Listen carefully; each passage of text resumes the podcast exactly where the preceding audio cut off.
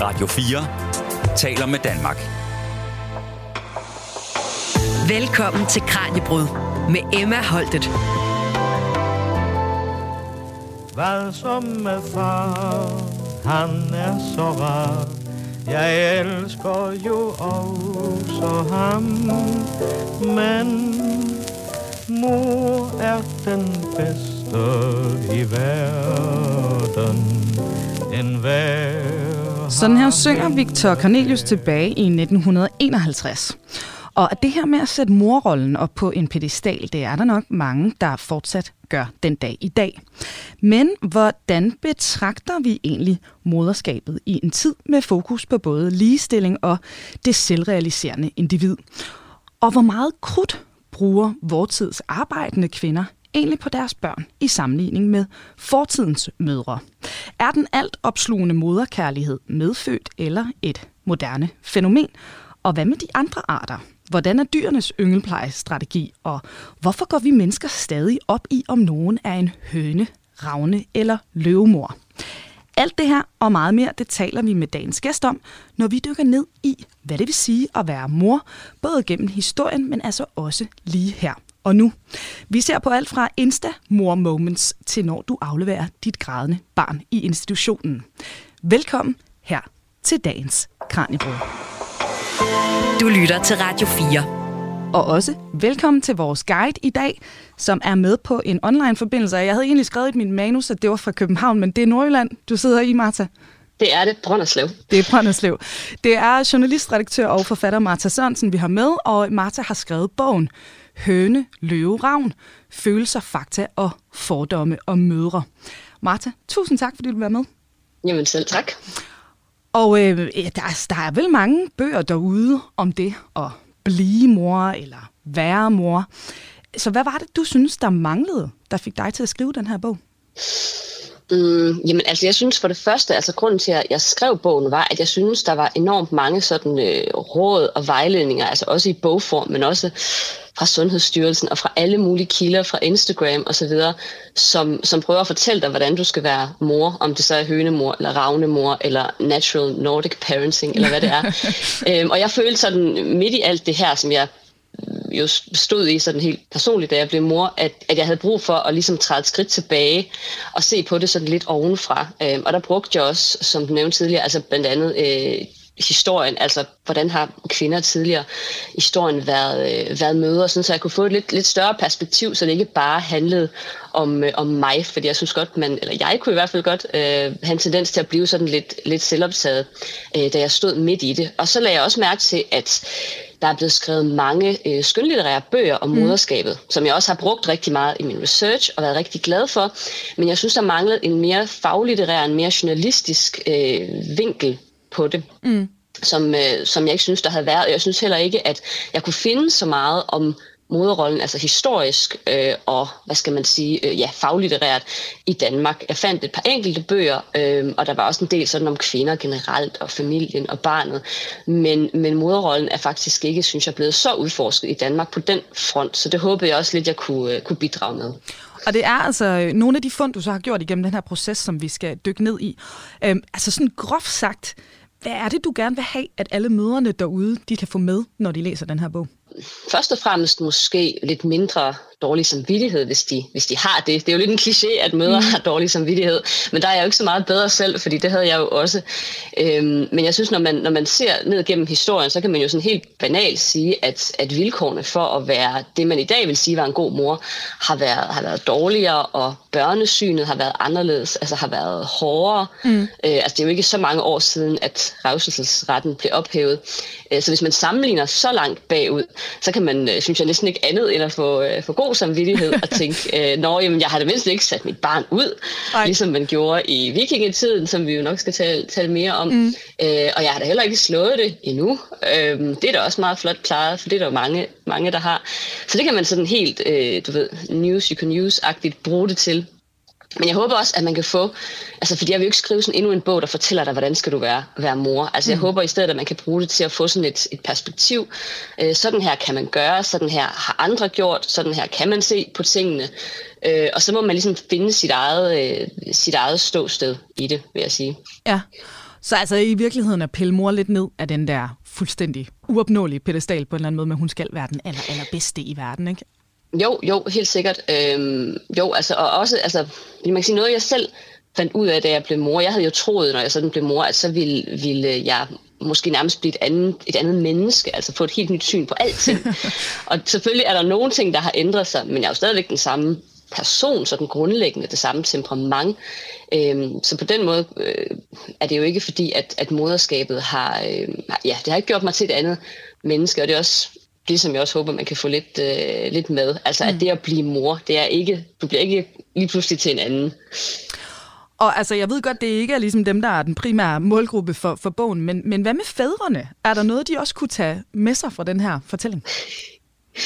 Altså, jeg har jo skrevet sådan lidt, øh, lidt for, for sjov, at fædrene de må, de må skrive deres egen bog. øhm, men altså et, et råd, jeg sådan giver lidt til sidst, øhm, i forhold til det her med, altså fordi jeg skriver i bogen, at, at moderrollen, det er jo både, altså det er jo en masse pligter, men det er jo også en, øh, en, en rolle, der giver, der giver status, altså hvis du tager pligterne øh, på dig, altså rollen som det her øh, projektlederdyr, som, som man nogle gange hører om, at, at morrollen kan blive. Mm.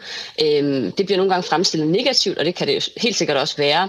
Men det er jo også en adgang til en eller anden form for status som mor. Altså at man er den, der kender barnet bedst. Øh, man har den bedste adgang til barnet. Det er også ligesom vi hørte i, øh, i altså Victor Cornelius synge, det er, at mor er den bedste i verden. Ja. Øhm, og, og jeg vil sige, hvis man, hvis man som mor gerne vil af med nogle af pligterne og ansvaret osv., så, så må man også være klar til at give noget af den øh, status fra sig. Og så giver man den jo til, typisk til, til fædrene, ikke? Altså, mm. hvis man da ellers er i et heteroseksuelt forhold, ikke? så vil det typisk være, være der, det går hen. Ikke? Øhm, og så kan man, ja, som far kan man måske læse den og tænke, om det er det her, jeg så ligesom kan overtage noget af, ja. hvis, øh, hvis man ellers vil have et på den måde ligestillet forhold. Ikke? Jo, jo. Og, øh, og jeg kan altså også sige til lytterne, at, øh, at selvom bogen her, den er altså sådan, læses som en slags øh, feltguide, kan vi godt sige, til, til nye mødre, øh, så synes jeg altså også, at det er værd at nævne, jeg er ikke mor, og altså jeg har heller ikke de store ambitioner i, i den retning, men jeg synes virkelig, at det her, det var vildt spændende læsning. Så det er godt nok en bog om mødre, men jeg synes altså bestemt ikke, at den, øh, den kun er for mødre. Nej, det var dejligt. Nu skal vi videre her til næste stop på vores rejse. Nu skruer vi nemlig tiden helt tilbage, og øh, vi dykker ned i historien. Du lytter til Radio 4. Ja, Martha, nu er det jo en kæmpe periode, vi skal tale om nu. Vi skal snakke om alle mødrene før 1900-tallet. De tidligste mødre, som vi kan pege tilbage på og egentlig sige noget sådan kvalificeret om, hvem er de? Altså, hvor langt tilbage kan vi kigge i den her fortælling?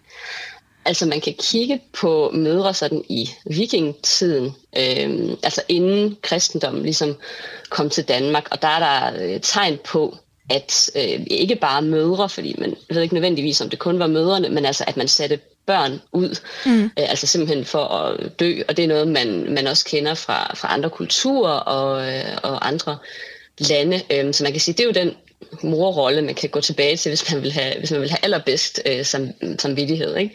Og der er også nogle forskellige teorier om, Altså hvorfor man gjorde det, om det var fordi man ikke havde, øh, havde mad nok, havde ikke ressourcer nok, måske var det et handicappet barn, som man ikke kunne overskue og skulle øh, opfostre, øh, men også at måske synet på, hvad der var et menneske, mm. var anderledes. Altså at man kan sige, at i dag der øh, taler vi om abortgrænsen, der har jo lige været en, en debat om det, hvor man diskuterer, om skal den gå fra 12 uger til op til 18.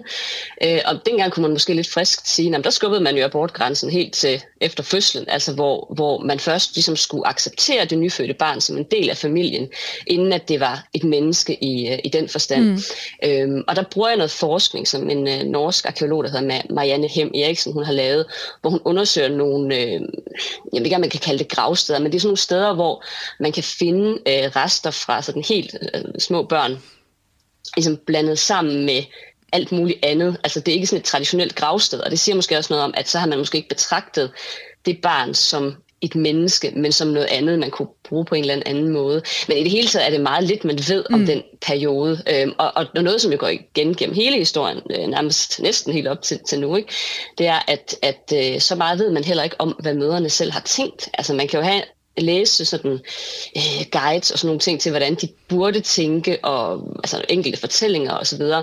Men, øh, men man ved ikke sådan hvad de har tænkt, og slet ikke tilbage i, øh, i vikingetiden. Så der ved man kun det her med, ja, hvad man kan finde sådan af arkeologiske rester, kan man sige. Den er ret vild, den her historie, ikke? Om, øh, altså, som du siger, måske noget med, med synet på, hvornår er noget et menneske, altså hvornår øh, bliver babyen, så at sige, et, et individ, man ligesom holder af og forholder sig til. Men jeg fortalte den der historie, efter jeg havde læst bogen, så fortalte jeg det til min meget højgravide øh, søster, og hun, altså, hun kunne slet ikke acceptere det. hun, hun, hun fik det sådan helt dårligt, da jeg sagde det. Og, øhm, og så sagde hun, jamen, kan det ikke også være, at det har været trallebørn eller øh, øh, døende børn, altså som man har øh, øh, sat ud. Altså hvor meget spekulativt er der i det her? Eller er man sådan rimelig sikker på i virkeligheden, at det, at det altså har været egne børn, de har sat ud på den her måde? Altså deres, noget, et barn, man selv har, har født. Ja, ja. Ja, øh, i, i stedet for nogle andres. Øh, ja, altså man kan sige, der er jo historier helt op til, til 1800-tallet om kvinder, som, som er nød øh, kom, prøver at skaffe sig af med deres mm. børn, eller ligefrem slå dem ihjel, fordi de, har, øh, de er det man i dag vil kalde enlige mødre, men altså måske dengang sådan faldende kvinder. Og der er sådan enkelte historier om det, altså hvor en skæbne som, som en, der har fået et barn uden for ægteskabet, det mm bliver så åbenbart betragtet som værre end at slå sit eget barn ihjel. Altså, så nogle gange kan man jo godt komme ud i den situation. Øhm, så jeg tror det ikke, det er, hvad kan man sige, utænkeligt. Altså, man hører jo også øh, historier fra, fra Indien og fra Kina. Altså i Kina, den her øh, etbarns politik, altså, hvor altså, man kun, øh, jeg tror det er lavet om nu, men tidligere måtte man kun få et barn, øh, hvor der åbenbart var mange, som, som gerne ville have et drengebarn, og hvad, hvor gammel var det første så, som man, som man skilte sig af med. Altså der er også nogle historier der, øh, som, som var lidt mistænkelige. Mm. Øhm, men det er også interessant, synes jeg, at man, man gerne, altså man, at, at man i dag slet ikke kan, kan acceptere det, altså kan acceptere det syn på barnet. Øhm, og jeg skriver også i bogen, at, øh, at historikere, de har, øh, de har netop haft sådan øh, en tendens til, Øhm, og hvad skal man sige, i og med, at, at det virker så grotesk i dag, mm. altså prøver man så ligesom at forklare sig ud af det, netop med, med lidt sådan, eller det du sagde, øhm, jamen altså det kan være, at altså, du så har de været fattige, og så har det været øh, en, en, særlig type, en særlig type børn, eller der har, der har været et eller andet, der har gjort, at det på en eller anden måde var sådan retfærdigt gjort. Altså at man kan nærmest lave sådan en kalkyle, at hvis du er x gange fattig, så øh, vil du sætte y børn ud, eller sådan, mm. fordi, fordi det naturlige er, at du, at du øh, elsker dine børn. Øhm, men det forudsætter måske også, at man ja, man har det samme øh, barnesyn, og, og at man har fået den samme, de samme muligheder for at knytte sig til, til barnet. Øhm, og det har man måske ikke haft tidligere. Altså, men betragter det som noget, der, øh, der først bliver et barn og et menneske efter noget tid. Ikke? Radio 4 taler med Danmark. I den her periode før 1900-tallet, er der nogle brud der, som du synes ellers har været særlig interessante at, at dykke ned i? Altså allerede fra slutningen af sådan 1800-tallet og sådan op gennem øh, 1900-tallet, at der sådan har været mere fokus på, øh, på hvad skal man sige, på på moren som, som den, der er i centrum for sådan hjemmets trygge arne. Altså der, mm. øh, de fleste kender sikkert Peters, øh, Peters jul, hvordan at moren hun ligesom er i centrum der, som den, der laver julehyggen. Altså der har du sådan et godt borgerligt, øh, borgerligt hjem, hvor at faren han er ude, og moren hun, hun sidder så derhjemme og skal skabe den her trygge, lune øh, rede. Og man kan sige, før i tiden, altså i, i landbrugssamfundet, der var øh, moren jo også derhjemme, men hun havde ikke et, sådan et, et borgerligt hjem på den måde, fordi alle arbejdede jo ligesom bare i, i landbruget. Ikke? Øhm, men sådan fra, ja, fra sådan måske ja, i midten af 1800-tallet, altså, mm. altså kommer der sådan et, et fokus på altså en, den egentlige husmor, kan man vel sige. Fordi jeg ved ikke, om man kan sige, at en, en, øh, en landbokone øh, i 1600-tallet, og man kan sige, at hun er en husmor i den forstand, øh, som, som, som, vi, altså, som vi forstår det i dag, hvor hun, øh, hvor hun ligesom er sådan et centrum for hjemmet, og, mm. og sørger for, at det sådan er hyggeligt og så videre. Altså, som man kunne nærmest sige, altså der, der har du ligesom lagt kimen til, til det, man kunne sige var 1950'ernes øh, husmor, hvor husmor-rollen ligesom piker. Jeg mener, det er tre fjerdedel kvinder, der er, der er hjemmegående husmøder i den, i den periode. Øhm, så det er der, det, billede ligesom bliver skabt, mm. og den her idé om, om, øh, om kvinden for centrum af det sådan kærlige hjem, og som også siver ned til, altså det starter ligesom ovenfra, men så siver det sådan ned gennem klasserne, altså sådan, så det i slutningen af 1800-tallet også siver ned til arbejderklassen som noget, øh, de også bør gøre, altså at mødre i arbejderklassen også bør være kærlige og overskudsagtige. Altså ikke som man forstår det i dag, fordi igen, man må jo godt slå sine børn, mm. og der var ikke et eller andet krav om, at man skulle, man skulle være sammen med dem 24-7 på samme måde, som vi har det i dag. Man må jo gerne have tjenestefolk også. Men altså, at billedet af, af moren som den, der skaber hyggen i hjemmet, øh, mm. øh, den, begyndte ligesom at, at, at brede sig i den, i den periode der. Øhm, så, og, og, og skaber ligesom det, når vi i dag tænker på den hjemmegående husmor, så det er sådan der, det starter, kan man sige. Ja, og det er jo lidt øh, paradoxalt, ikke? At, at netop i, øh, i løbet af 1900-tallet, når man så får den her hjemmegående husmor, altså som du siger før, så har hun måske været på en gård, hvor hun har arbejdet, ikke? Altså og været en del af, mm. af arbejdskraften på gården. Så er det altså nu husmoren, der ligesom er dedikeret til at opretholde den her øh, familie inden for øh, et, et, øh, et lille hjem. Ikke? Øh, men samtidig mm. så får vi jo altså også de arbejdende mødre i løbet af, af 1900-tallet. Så vi har ligesom øh, altså moren, der går på job, over for den hjemmearbejdende eller hjemmegående husmor. Mm. Den her modsætning mellem de her to morroller, det, hvad er det, der bliver Jamen, altså, jeg, jeg, jeg, vil jo endda sige, altså jeg vil jo endda sige, at sådan, den arbejdende mor har jo helt klart været, været reglen snarere end, øh, end undtagelsen. Altså både sådan, ja, som du sagde, i, øh, på landet, men også det her med at have en husholdning er jo også et, et arbejde. Mm. Øhm, og hvis man har haft et eller andet øh, erhverv, jamen, så har man selvfølgelig også øh, hjulpet til med det. Altså så den der sådan husmor-rolle som en, der ligesom bare i gåsøjne øh, sidder derhjemme og holder hus og passer børn, altså den har nok været, altså der har nok været mest populær der i 50'erne og 60'erne, fordi mm. derefter der er kvinder så kommet ud på, kan man sige, det moderne arbejdsmarked, øh, og inden da har de, har de ja, passet børn, men også arbejdet ved siden af, også simpelthen fordi man måske ikke havde, lige havde råd til at, øh, at gå hjemme. Altså så, så, øh, så jeg vil sige, den arbejdende, altså husmoren er en meget... Øh, en meget sjælden skikkelse i sådan dansk øh, kvindehistorie. Altså, der, er altid, der er også en der tvivl om, om, om husmoren sådan i 50'erne og 60'erne, om hun var, øh, altså om det virkelig var tre fjerdedel, der bare, i går sådan bare sad mm. derhjemme og passede de børn. Altså, de har måske også haft et eller andet uofficielt arbejde ved siden af, eller et eller andet. Øh, så, så, så øh, moren har sådan set altid arbejdet i en eller anden, øh, en eller anden forstand. Og altså, jeg, jeg kommer også til at tænke på, i forhold til, hvis, øh, hvis jeg tænker tilbage på historier, jeg har hørt om min farmor for eksempel, som var hjemmegående husmor, ikke? Altså hun havde ikke et arbejde. Men når jeg hører om, hvad min far og hans søskende, de fik lov til, og hvad de lavede i løbet af en dag, altså de fes jo rundt, rundt omkring over det hele med andre børn, og var jo egentlig ikke særlig meget derhjemme, hvor hun rendte rundt, og jeg, jeg ved ikke, hvad hun har lavet. så altså, læst en masse bøger og røget, og røget cigaretter og cirutter, tror jeg ikke. Øhm, og så alt andet, hvad hun nu havde sociale forpligtelser og sådan noget. Det er ikke mit indtryk, at hun brugte sådan sindssygt meget tid med sine børn, selvom hun, øh, hun gik derhjemme. Altså, hvor meget krudt, tror du egentlig, i gåseøjne, mødrene dengang, altså der i midten af, senere hen i 1900-tallet, der gik hjemme, har brugt på deres børn i forhold til de mødre, vi ser i dag, som er ude at arbejde?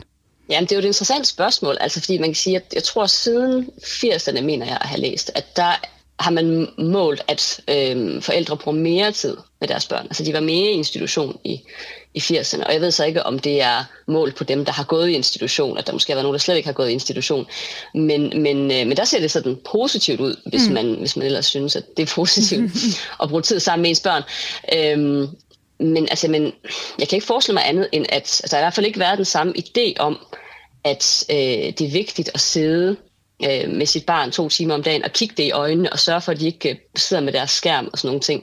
Øh, altså jeg talte blandt andet med øh, Helen Lyng øh, Hansen, som er jordmor og som har øh, det, der hedder øh, sundhedsplejerske.dk, netsundhedsplejerske.dk, som jeg tror mange møder vil kunne genkende, der kan man sådan få råd om alt muligt. Mm. Altså hun siger jo bare, at i den periode, hun har været, øh, sådan, øh, ja, været jordmor og selv været mor, at der har børnesynet ændret sig. Det er jo sådan noget 20-25 år, ikke?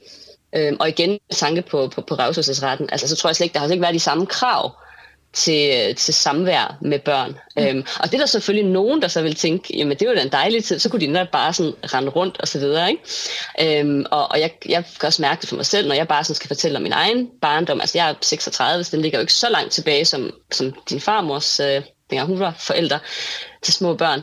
Øhm, men jeg kan alligevel godt mærke, at, at øh, jeg har sådan en trang til at sige sådan noget med, ja, dengang der øh, måtte man ryge ind i bilen, mm. og der sad du ved, mor med en smøg, og vi fik bare lov til at løbe rundt, og der var ikke så meget sådan påpasselighed. Øh, altså sådan positivt, ikke? som om, at det er blevet for curlingagtigt nu. Og det er også rigtigt nok, men jeg tror også, der, der er også nogle ulemper, der følger med det. Altså der var også lidt flere ulykker, altså bare hvis man på 20 år siden, jeg så har kigget på sådan nogle statistikker, altså der var simpelthen flere børn, der bare kom til skade. Øhm, så, så jeg ved ikke, altså jeg tror, det er en, øh, altså det er sådan lidt et, øh, et svækket sfær, men altså det er helt sikkert, at kravene er, er højere nu til den sådan type af samvær, du skal have med dit barn. Ikke? Ja, altså, altså det, det her med at sti- stimulere barnet hele tiden. Mm. Aktivere det hele tiden. Ja. Ikke? Ja. Ja, ja og, og du må jo ikke, altså, du må jo ikke slå det. Det virker jo sådan helt indlysende, men det var det jo ikke i 50'erne og 60'erne. Øhm, altså, der er jo masser af øh, historier af børn, der er blevet øh, slået. Altså både, du ved, en lussing er til, men også værre, ikke? Mm. Øhm, alle mulige redselsfortællinger fra, fra folk, der har, været, der har været børn dengang. Altså nu bare Helen Lyng Hansen, som jeg talte med, sagde, at da hun gik i skole, og jeg mener, hun er i sådan noget 50'erne eller deromkring, øh, da hun gik i skole, øh, jamen der, var der, der, der mente hun omkring halvdelen af børnene i klassen havde det ikke specielt godt derhjemme. Altså, så de fik måske en på hovedet en gang imellem, eller noget i den stil. Ikke? Nu skal jeg heller ikke overfortolke, hvad hun sagde, men jeg mener, det var nogenlunde det, hun sagde. Øhm, og det er jo egentlig ret vildt, altså, fordi det er jo noget af det mest uacceptable, du kan gøre i dag, er at slå mm dit barn. Ikke? Øh, faktisk har jeg sådan et afsnit om, øh, øh, om tabuer i min bog, hvor jeg siger, at der, der er jo så meget snak om tabubrud i moderskabet nu om dagen, men når man, når man, øh, når man sådan taler om tabuer, så er det sådan nogen, der ligesom gerne må må brydes. Ikke? Så er det sådan noget med øh, tabuer om, øh, om, om at ville bruge modermælkserstatning, eller sådan noget, mm. som egentlig ikke er et slemt tabu, som man, hvor ideen er at, ligesom at bryde det. Ikke? Men, men sådan noget med at slå sit barn, det er jo sådan et tabu, som ingen nogensinde i dag vil tale om, at man skal bryde. Der er ikke nogen, der taler om, du ved, lad os tale højt om den gang, jeg slog min toårige. Det ville jo blive lukket ned med det samme. Ikke? altså, og for 30 år siden var det jo nok ikke helt det samme. Der, øh, der var det helt okay. Og er det jo stadig i andre lande. Ikke? I mm. USA er det jo helt øh, øh, almindeligt, mm. at, øh, at man må slå sine børn, ikke? i hvert fald mange, mange steder. Ja, ja, fordi der er jo også altså netop, der er jo store kulturelle forskelle også, ikke? Altså stadig i dag. Der er også, jeg kan ikke engang huske, hvornår det var, men den er en klassisk fortælling efterhånden med den danske mor, der i New York sætter sit barn i en barnevogn ude foran en café, ikke? og jeg tror faktisk, hun endte i retten. Altså jeg mm. ved ikke, om hun blev dømt for det, men at det bare derover var sådan en fuldstændig sindssyg mm. måde at behandle dit spædbarn ja. på, og som alle, både mødre og fædre her i Danmark, eller mange i hvert fald, synes er en fuldstændig naturlig ting at, at gøre, ikke? Jo, altså, og jeg, jo, det med kulturforskel, jeg talte jo også med Sara Alford, som har skrevet sådan en glimrende øh, lille bog, der hedder Tænk, hvis du ikke afgør dit barns fremtid, hvor hun taler om de her forskellige vejledninger til mødre, hvordan de i høj grad også er kulturelt bestemte, og ikke sådan 100 procent, øh, jo, altså, de er også videnskabelige, men de er også formet af, af kulturelle forhold, altså det her med, at man i Danmark jo fraråder, at børn skal sidde i autostol alt for mm. meget, øh, mens i USA, der sidder de jo masser af timer om dagen i den der autostol, fordi man jo bare kører mere i bil mange steder, derover og det er der ikke rigtig nogen, der siger noget til, og det gør vist heller ikke rigtig noget. Og, altså, så det er sådan meget øh, kulturelt formet. Altså, og det der med at have sit barn, apropos det der med at efterlade barnevognen mm. uden for butikken, og have sit barn til at sove udenfor. Altså, jeg har ikke rigtig set noget sådan evidens for, at det skulle være så meget bedre, end at lade det sove indenfor. Altså, det er en meget... Øh, en meget dansk ting. Altså nu stammer jeg selv fra, fra Polen, og der, der, der gør man det ikke rigtigt. Altså ikke bare fordi man er bange for, at, den, øh, at nogen skal tage den der vogn, men også fordi der er jo en seng indenfor. Man skal jo bare sove indenfor, ikke? Men der er sådan en eller anden øh, skandinavisk ting åbenbart, men så hærder man lungerne eller et eller andet, ikke? Som, som måske altså, er lidt fjollet og... Øh, og ikke nødvendigvis sådan 100% evidensbaseret. Altså, og sådan tror jeg, det er med, med, med flere af de der øh, råd. Ja, ja, man kan også spørge, hvor mange voksne, der synes, det er fedt at ligge og sove udenfor om vinteren, selvom de har en flyverdragt ja. på, ikke? Altså. Ja, ikke denne her voksne, i hvert fald. Du lytter til Radio 4. Til kvinden sagde han, jeg vil gøre dit svangerskab plagsomt og pinefuldt. I smerte skal du føde børn. Du skal begære din mand, og han skal herske over dig. Ja, Altså ideen om, at manden han hersker over os, øh, den er der heldigvis, i hvert fald for det meste, ved at blive manet godt og grundigt til jorden. Men, øh, men det her med at føde vores børn i smerte, altså øh, den del kan moren vel ikke rigtig slippe for, Martha, eller, eller hvad? Ikke helt. Altså, jeg, jeg har jo øh, har et kapitel om netop fødsler i min bog, og der har jeg talt med altså, min fødselslæge og med et par jordmødre, og, og nej, man kan faktisk ikke helt slippe for det. Altså, man kan gøre meget, mm. siger de, men man kan ikke sådan helt øh, smerte øh, smertelindre. Og, øh, og, og jeg har jo en, en teori i min bog om, at fordi man faktisk ikke sådan videnskabeligt kan gøre, kan smertelindre helt, i hvert fald ikke uden, at det har nogle, også nogle negative konsekvenser for barnet. Altså man kunne jo bare give morfin og lave et kejsersnit osv., ikke? Mm. Øhm, men, men, men der er også nogle ulemper ved det, og det er ikke sådan det, man, det første, man ligesom går efter. Så, så man kan sige, at videnskaben er ikke helt der, hvor man bare kan give nogen en pille og sige, nu kan du føde på, ja, hvor lang tid det nu tager, ikke? og så bliver det sådan lidt ligesom at løbe en tur. Ikke? Det bliver lidt hårdt, men det kommer ikke rigtigt til at gå ondt. Ikke? Den pille er der ligesom ikke Nej. endnu. Så, så min teori er, at, at fordi at der er ligesom sådan tale om en uundgåelig smerte, at så, øh, så, så har man måske en, en, en tendens til sådan at glorificere det lidt. Altså, altså så bliver det sådan et, et overgangsritual. Det siger noget om, hvem du er som menneske. Der er sådan et eller andet... Øh, altså, de fleste kvinder vil jo også gerne føde uden bedøvelse, som mm. udgangspunkt. Ikke? Altså, og jeg kender selv personligt flere kvinder, som synes, det var en nederlag, da de fik en epiduralblokade. Ikke? Øh, og det er jo en helt, helt anden tilgang til smerte, altså at man nærmest opsøger den, øh, end man ellers har i, i både i sundhedsvæsenet, men også sådan øh, hos altså, folk generelt. Der er jo ikke nogen, der siger, øh, nu vil jeg prøve at se, om jeg kan få trukket en tand ud uden bedøvelse. Bare lige for at se, du ved, hvad kroppen kan. Ikke? Og der er jo ikke nogen tandlæger heller, der, der vil anbefale, at man fik det gjort, medmindre man øh, virkelig har et problem med bedøvelse. Ikke? Ja. Øhm, så der er sådan en mytologiserende tilgang, ikke? at man skal sådan ligesom igennem det, og man er sådan, øh, det er noget særligt. Ikke? Øhm, Øh, og, og, og det tror jeg er fordi, at, at der simpelthen ikke er nogen vej udenom på en eller anden måde. Altså, jeg sammenligner det med, øh, jeg refererer en, en sådan amerikansk øh, essayist, der hedder Susan Sontag, og hun skriver om det her med, øh, hun, hun bruger så kraft i stedet for, at det er der ikke en, en kur for, i hvert fald ikke alle former.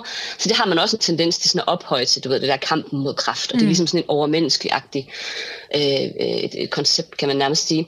Men lige så snart man vil finde en kur for det, jamen, så vil det blive noget banalt. Altså hun sammenligner det med tuberkulose, som man jo kan få penicillin for. Øhm, og, og, og, og i dag, der tænker man i gamle dage tænkte man måske på tuberkulose som sådan en særlig fin sygdom, og, og man blev, øh, det var sådan en kunstnersygdom, og man kunne være sådan lidt bleg og lidt, øh, lidt blodfattig. Øhm, men lige så snart man kunne få penicillin for tuberkulose, og sådan set blive kureret, jamen så blev det noget banalt, og så ville det jo være åndssvagt at insistere på at blive ved med at have tuberkulose, fordi man skulle være særligt fin. Ikke? Mm. Øhm, og, og, og jeg kunne forestille mig, at noget af det samme ville, ville, ville ske med fødslen, hvis man kunne finde en eller anden sådan mirakelpille, så vil folk måske tænke, gud, hvorfor gennemgik vi dog alt det? Øhm, fordi selvfølgelig kan man sige, der, der, jeg kan godt se sådan det mytologiske sådan pointen i, okay, du, der kommer et nyt liv, ikke? Det skal mm. ligesom, der skal være en særlig, noget særligt ved det, det skal ikke bare være blød. Men, men, øh, men det behøver måske ikke at gøre så ondt og tage så lang tid. Det kunne måske godt være en 10 minutter eller sådan noget, og så var barnet der, og så, så var det sådan set fint nok. Det er jo en vildt interessant diskussion, som du siger. Du bruger jo også noget, noget tid i bogen på at netop at udfolde det her med, med smerten og dens betydning, og hvorfor det egentlig er, at det her det er så... Øh, ja, så meget en idé, vi har om, at det også er en del af det her ritual, af den her øh, sådan milepæl, det jo er at, at blive mor. Men altså, jeg vil så også sige, at jeg, øh, jeg har løbet ultraløb, og det der med bare sådan virkelig at have ondt, altså når man kommer sådan helt ud i ekstremerne, der er jo også et eller andet, har jeg lyst til at sige. Sådan, øh, altså, jeg ved ikke, man bliver jo også lidt høj af det på en eller anden måde, men nu har jeg ikke født. Jeg ved jo ikke, om de ting kan sidestilles, men altså, kan der ikke også være noget smukt i den der smerte, eller er det bare sådan et, et forældet ja. koncept, vi har om, at det skal moren altså, det skal gøre ondt? Ja, altså jeg skriver til sidst i bogen, at der vil jo stadigvæk, selv hvis den her mirakelpille kom, så vil der stadigvæk være nogen, som gerne vil føde uden. Øh, og så nævner jeg faktisk, der er jo også folk, der løber maraton. Ja. Altså, så der er jo nogen, der, der frivilligt opsøger smerten, ikke? Øhm, altså jeg tror da sagtens, at, at, det kan, at, at nogen vil blive ved med det. Øhm, jeg har ikke selv mærket nogen sådan øhm, eufori lige frem, og jeg tror i øvrigt også, at altså, dit ultraløb har sikkert øh, været lige så smertefuldt som min fødsel. Det er ikke fordi, at jeg, jeg tror jeg ikke, ved jeg at øh, fødsel nødvendigvis er det mest, er det, er det mest øh, smertefulde. Altså jeg havde så også en relativt nem fødsel. Jeg er jo en af de der irriterende typer, der, der gjorde det på fire timer og sådan noget. Øhm, men jeg tror, man ville måske også miste, altså hvis man skulle blive ved med at, at udsætte sig selv for de der ting, så vil man måske også miste sådan, kan man sige, det identitetsskabende ved det. Altså mm. fordi jeg, øhm, jeg kunne ikke lade være med, selvom jeg jo ikke havde nogen som helst indflydelse på, hvad min krop ligesom gjorde, og hvor lang tid det tog, jamen så kunne jeg ikke lade være med at, at sådan sige til mig selv, og også sige til alle dem, jeg ligesom mødte efter fødslen, ej, men jeg fødte jo bare på fire timer, ja. og det siger bare enormt meget om mig som menneske, fordi det kan jeg bare lige gøre, ikke? Du ved, sådan 1, 2, 3 hurtigt, mm. ikke? Sådan er jeg bare, du ved, sådan en... Øh, en type, der bare får tingene gjort. Ikke?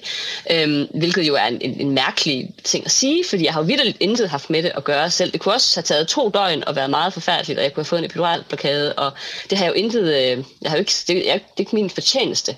Men alligevel har det været enormt identitetsskabende, og det mm. har jeg også indtryk af, at, øh, at det er for mange andre kvinder. Det er sådan det, er noget, man husker, og det er jo også det, jordmøder siger, jamen det er noget, man husker i ja, hele sit liv, ikke? Og, og også sådan ammeperioden, som vi måske skal snakke om senere, at det er også noget, man husker, fordi, fordi det, er, øh, det er sådan grænseoverskridende. Mm. Øhm, så det vil man måske miste. Øhm, og jeg ved så ikke, om det har noget så meget med barnet at gøre, end så meget med smerten. Altså det er, det er måske lidt en, øh, en, hvad kan man sige, det er lidt begge dele. Også den her idé, tror jeg, vi har om, at hvis noget er virkelig, virkelig slemt, så har det måske også været godt på en mm. eller anden måde. Ikke? Man vil helst ikke bare sige til sig selv, at det er bare formålsløst slemt. For det er jo næsten det værste. Ikke? Ja. øhm, så har du løbet og løbet ja. og lidt og lidt. Ikke? Der må ligesom være en eller anden mening med det. Altså. Du lytter til Radio 4. Her med at, at amme. Der er jo også hele den her diskussion øh, med og er det okay at give øh, erstatning, eller skal det være modermælk, som, øh, som barnet får? Hvad er anbefalingerne egentlig i dag? Er det til at gennemskue som nybagt mor, hvad der er rigtigt at gøre i den forbindelse? Mm, altså det er jo egentlig til at gennemskue i den, altså det er ikke, jeg tror ikke så meget, det handler om, at anbefalingerne er kompliceret. Mm. Jeg tror, det handler om, at man er i en situation, hvor man sådan øh, øh, står på, øh, hvad hedder sådan noget, det hedder ikke bare ben, står på bar øh, grund, noget i den stil. Øhm, altså at man er lidt, lidt ude af skide, for at sige det på, på jysk, øhm, og at man der, altså man kan sige, normalt så, så vil man øh, med sådan sundhedsanbefalinger, der tror jeg, at de fleste jo tager det sådan lidt ovenfra og ned. Så står der, ja, du må kun drikke syv genstande om ugen. Ja, ja, så drikker vi du ved, 14 den ene uge og 0 den anden uge. Altså mm. noget i den stil. Ikke? Altså man, man tilpasser det sit eget liv. Man ved jo ligesom godt, jamen, ja, så skal jeg motionere 30 minutter om dagen. Nu ser vi lige, hvad der sker. Mm. Ikke? Altså man, man bliver så ikke og ryster øh, i bukserne af skræk over... Øh, over at man ikke lige får nået alle de rigtige ting. Ikke? Men, men jeg tror, når, når, øh, altså når, man bliver, når man bliver mor, at så er man i en så sårbar situation, så man sådan øh, over, eller kan risikere at overtænke mange ting, og sådan læser for meget, og øh, i stedet for at sige, jamen nu prøver jeg at amme i de der seks måneder, som er anbefalingerne, ikke? Mm. at man fuld, fuld ammer i seks måneder. Ikke? Nu prøver vi. Hvis det ikke går, her Gud, så tager jeg noget modermælkserstatning. Ikke? Nu prøver jeg at køre den året ud. Men hvis jeg skal på arbejde inden, jamen, så sker der nok ikke noget ved det. Mm. Øh, altså fordi ja, det er det er sundere, men jo kun hvis det går godt. Altså hvis det, hvis det er et kæmpestort problem, og man bliver psykisk ligesom udfordret af det, altså så er det jo bedre, at, og hvis man øh, slet ikke, altså hvis der slet ikke kommer noget mælk, så er det selvfølgelig bedre, at barnet får, får noget mad. Mm. Øhm, så der er sådan, altså jeg tror, øh, problemet er, at der er jo sådan mange, øh, der er jo sådan mange for og imod, og der er sådan mange ting, man skal, man skal veje op mod hinanden. Og det vil jo være nemt nok, tror jeg, i andre situationer af ens liv, bare lige at tilpasse det sin egen livssituation, og ikke have det så være så nervøs over det. Mm. Men jeg tror i hvert fald for mig, i forhold til amning, der var det jo enormt vigtigt, at jeg skulle gøre det på den helt rigtige måde. Og, øh, og, jeg, og jeg synes, det var sådan, øh, sådan lidt et nederlag, da jeg sådan lidt gik over sådan noget flaske efter tre måneder. Øh, men i dag, hvor jeg sådan er meget mere sikker i morrollen, altså nu er mm. min søn tre år, Øhm, og jeg sådan, meget jeg føler, at jeg sådan har styr på det, og det er jo gået godt indtil videre, og så videre, så kan jeg slet ikke forstå, at jeg var så øh, op og køre over det. Altså, at jeg engagerede mig også så meget i hele den der diskussion om, jamen, skal man amme, eller skal man bruge modermælkserstatning? Altså, mm. Altså, at, at det kunne fylde så meget som sådan en identitetsbærende ting, at hvis jeg skulle være en god mor, så skulle jeg amme i x antal måneder, ikke? Øhm, og jeg kan jo læse mig til, at mange andre kvinder har det på samme måde, altså, og, øh, og jeg håber og tror, hvis jeg skal bruge mig selv som eksempel, at det er sådan en nervøsitet, der forsvinder med tiden. Fordi mm. den også siger noget om, mm, kan man sige, mere om, at man er i en sårbar situation, end at det nødvendigvis er så kompliceret. Altså det er det også, men det plejer man jo nok at kunne, kunne overskue i andre situationer. Det synes jeg i hvert fald, jeg kunne. Ikke? Mm. Så både det her med selvfølgelig, hvordan man ens egen altså identitet og opfattelse af, hvad man kan som, som mor, men så også, jeg synes også, jeg hører noget af det her med, at altså, som du siger, der er jo så meget, man nu kan læse og forholde sig til og sådan noget, så også det her med, jamen så har man jo også altså jo mere viden man har, jo mere er der jo også stress over i forhold til, hvad, hvad man kan gøre for i går sådan at ødelægge sit barn. Ikke? Altså, øh, mm. det, det er vel også det, der er på spil. Jo, helt, helt sikkert. Altså, jeg taler også med øh, hende, jeg nævnte tidligere, Sarah Alford, som har skrevet den her ting, hvis du ikke øh, afgør dit barns fremtid, om det her begreb forældredeterminisme, altså ideen om, at forældrene, og man kan sige, i det første år vil det jo typisk være moren, ikke, som mm. er på barsel, øh, at de har en helt vildt stor indflydelse på, på barnets øh, liv, og især i de der vigtige første tre år eller tusind dage, hvad man nu taler om, øh, at, at der er enormt meget fokus på, på forældrene og på den her sådan første tid, mm. hvilket jo så også ramler sammen med, at det er den tid, hvor man jo så måske er mest usikker, fordi man lige er blevet mor, og man lige står i sådan en helt, helt ny rolle, sådan, så der er enormt mange øh, øh, råd. Altså, og, og jeg, altså det, som Sarah Alford siger, er, jamen altså, slap nu af, ikke? Altså, der er mange af de her, mange af de her ting er kulturbestemte for det første, og for det andet, jamen så, øh, så kan man jo også måske bare nøjes med at følge nogle af tingene. Altså mm. gør det lidt ligesom jeg sagde tidligere med, med sundhedsanbefalingerne. Ikke?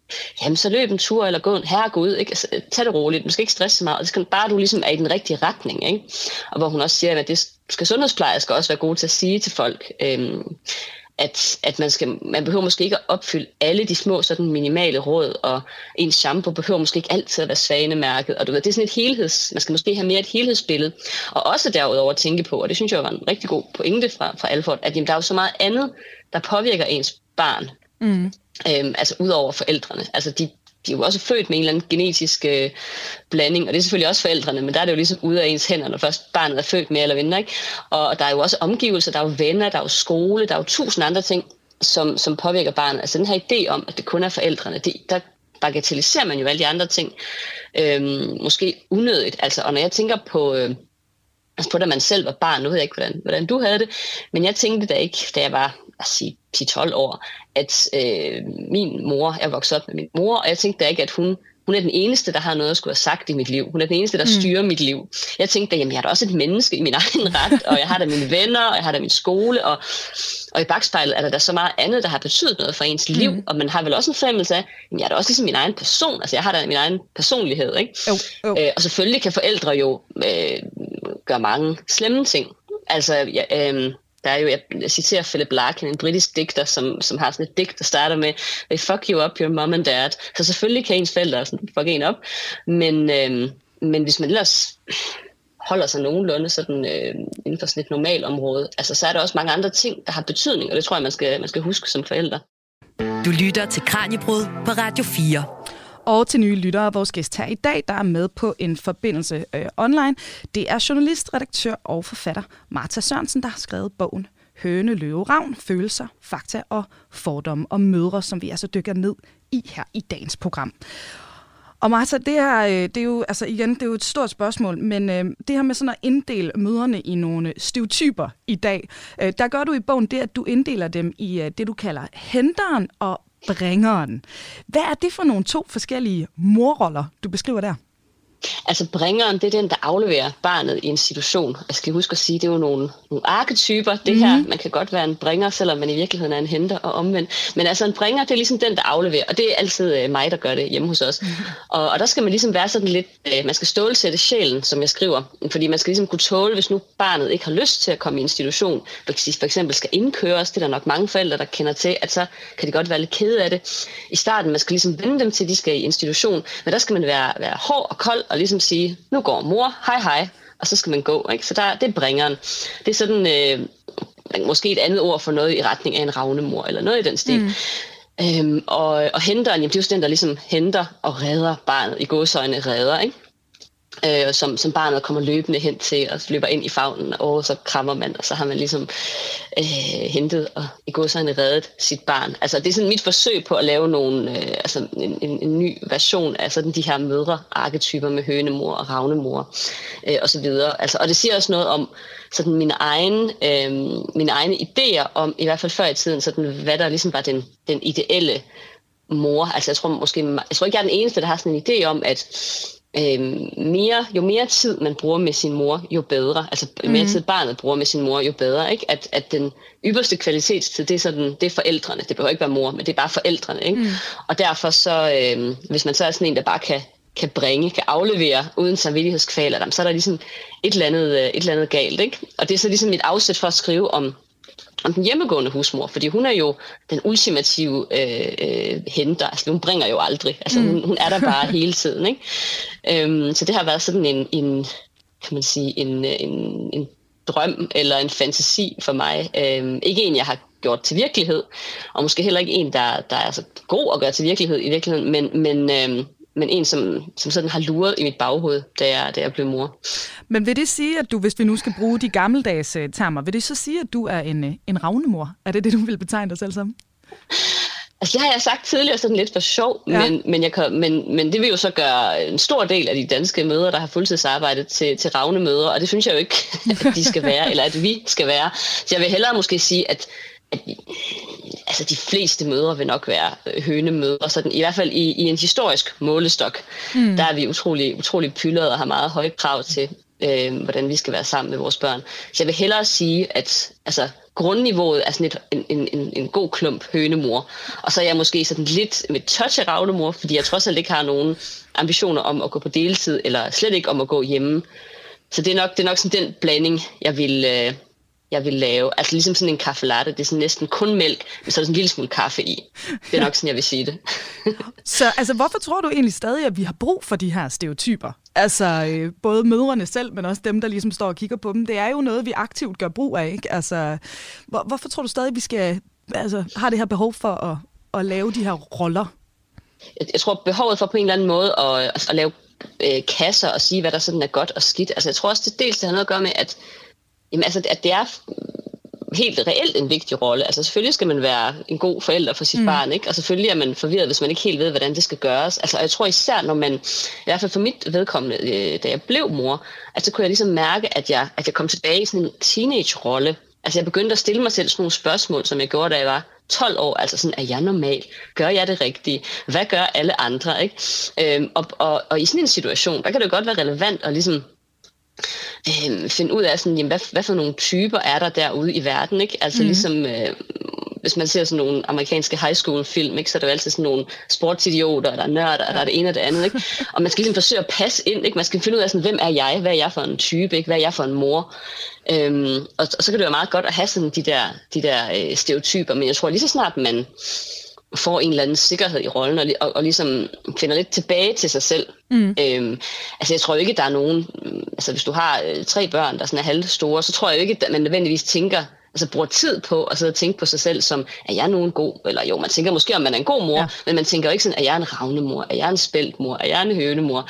Altså det, der er sådan et eller andet teenage over det, ved mm. at, at skulle lave de der kasser, og skulle finde ud af, hvor passer jeg ind? Hvem er jeg? Ikke? Hvis man ligesom er sikker i rollen, så har man måske ikke helt det samme behov, for så har man ligesom fundet ud af noget, der fungerer for en, øh, for en selv. Mm. Og øh, vi skal til at runde af lige om lidt, men, øh, men inden da, så, så kan vi altså som lovet lige øh, slutte af i, øh, i dyreriget. Og øh, som du har været inde på, Martha, altså vi er jo blevet bedre og bedre i virkeligheden til at passe på vores yngel, ikke? Altså de her curlingforældre, det er måske også altså, sådan rent overlevelsesstrategimæssigt bedre end bare at øh, stå og ryge en smøg og drikke en kop kaffe, og hvad de ellers har, har gjort før i, i tiden, ikke?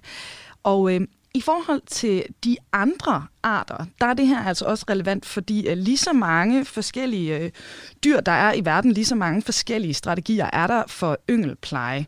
Men øh, der er altså en stor forskel i måden, de andre arter griber det her an på. Og øh, det skal vi lige høre om her. Og det er Bjarne Clausen, der fortæller. Han er biolog og direktør for Odense Zoo, og øh, han forklarer her, at der faktisk er to overordnede strategier for at skabe nye generationer. Den ene handler om mængde og involverer, modsat det vi mennesker gør, nul yngelpleje. Klumpfisken for eksempel, den lægger 500.000 æg eller sådan noget, ikke? Og så øh, øh, lægger hun dem, eller hun spreder dem i vandet, og så kommer han og spreder sin sæde ud over dem, og så er der 500.000 unger. Og så er der rigtig mange af dem, der bliver brugt som foder til andre fisk, og nogen bliver spist af det ene, og det andet og det tredje, og så er der 10, der overlever. Og til fuldvoksen størrelse er der måske kun to. Hvor, og den anden, den anden mulighed er jo, at man siger, så kommer meget få unger, til gengæld så investerer vi rigtig meget i de få unger og sikrer, at de overlever.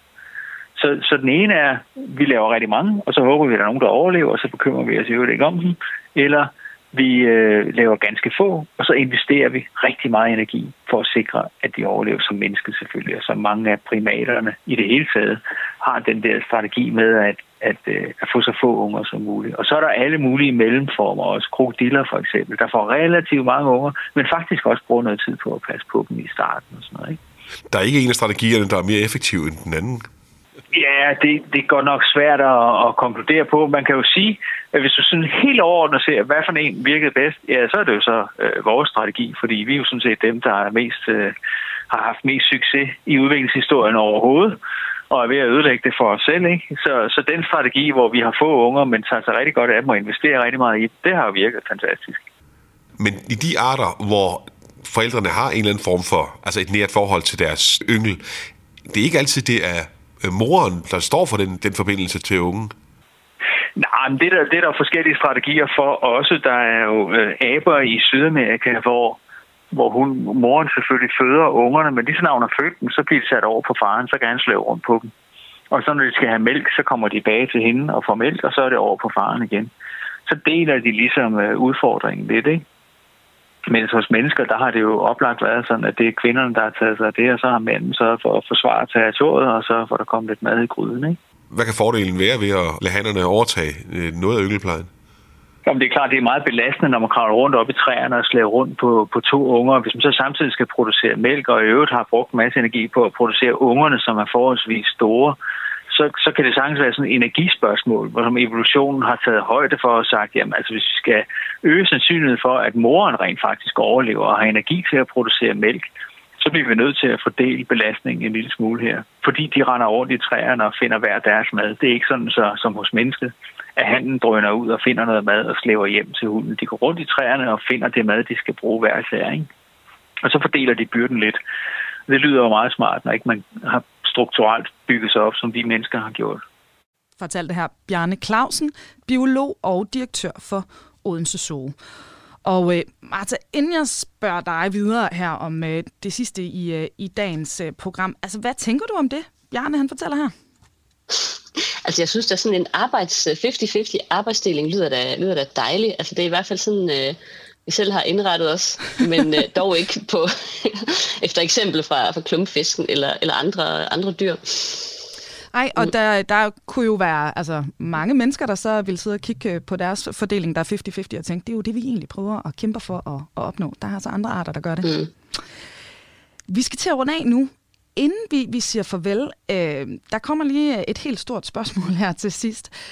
Der er jo lige så mange måder at være mor på, som der er mødre i, i verden. Men, men hvad tror du overordnet set, mødrenes største udfordringer er, hvis vi kigger i dag her i, i lille Danmark? Altså man kan sige, i dag har vi jo et, et luksusproblem, fordi vi har så mange penge, så højt et niveau af velstand og, og velfærd, og vi har også mulighed for, hvad der var ret, ret nyt historisk, mm. og sådan kunne bestemme ret, øh, ret nøjagtigt, hvor mange børn vi vil have, og hvornår vi vil have dem. Og derfor så er der jo så også et meget større pres øh, på de få børn, vi så vælger at få. Ikke? Altså de der klumpfiske øh, haletusser, eller hvad det nu er. Nu siger jeg sikkert noget biologisk meget, meget forkert. Men de der unger der, de, der er nok ikke så meget pres på, på sådan hver enkelt af dem, når de kommer ud der i, i det der store sædehav, eller hvad det er. Øhm, men hvis du ligesom kun har et eller, eller to børn, hvis jeg har for eksempel kun et barn, og der er jo meget pres på sådan, øh, på sådan et barn, for at det skal klare sig godt. Mm. Altså, så det er jo ligesom luksusproblemet, ikke? At, at vi har det så godt, vi kan selv vælge det hele, og så skal man virkelig også bare vælge rigtigt. Ikke? Ja. Øh, det, hvis, man kan sige, hvis børn er noget, der er pålagt en i en eller anden forstand, du, du, du, er, rigtig, du er ikke rigtig undgå at få dem, fordi du ikke er rigtig beskyttet, og du kan ikke være bort, og alle de der ting, jamen så er der måske også... Øh, færre, færre krav til, til børneopdragelsen, fordi du, du har ikke selv valgt det. Så hvordan kan folk forvente, at du skal gøre øh, alt muligt? Ikke? Og, og måske er det også lidt hårdere, når man har mange børn, end når man har et barn. Ikke? Altså, mm. Jeg taler med Kirsten Junge, som er en øh, gammel rødstrømpe. Hun fortæller, at hun var barn nummer 8 ud af otte børn, og hun og hendes tvillingesøster skulle egentlig have været aborter, men det fik deres mor ikke lov til. Mm. Øhm, så, så hun blev så født og blev dybest set passet af sine ældre øh, søskende, fordi hendes mor havde slet ikke, slet ikke overskud til det der. Øh, så der er jo slet ikke, hun havde jo slet ikke de bekymringer, kan man sige. Hun havde det jo så øh, hårdere sammenlagt, vil man sige, ikke? Eller vil jeg da mene.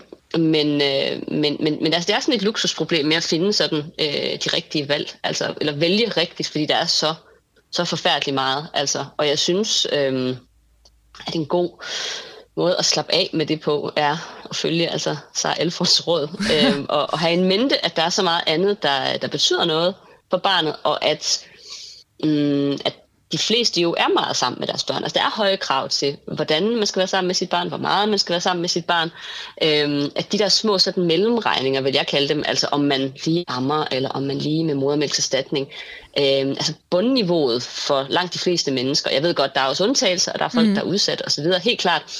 Men, men sådan det bund, middelklassens bundniveau, kan man vel kalde det, er ret højt, altså, synes jeg da. Øhm, så jeg vil ikke bekymre mig så meget om de der små ting. Altså om man lige får købt den ene eller den anden body stocking. Øhm, det, det er småting i det store regnskab. Det synes jeg er de perfekte ord at uh, runde den her omgang af Kranjebrød af på.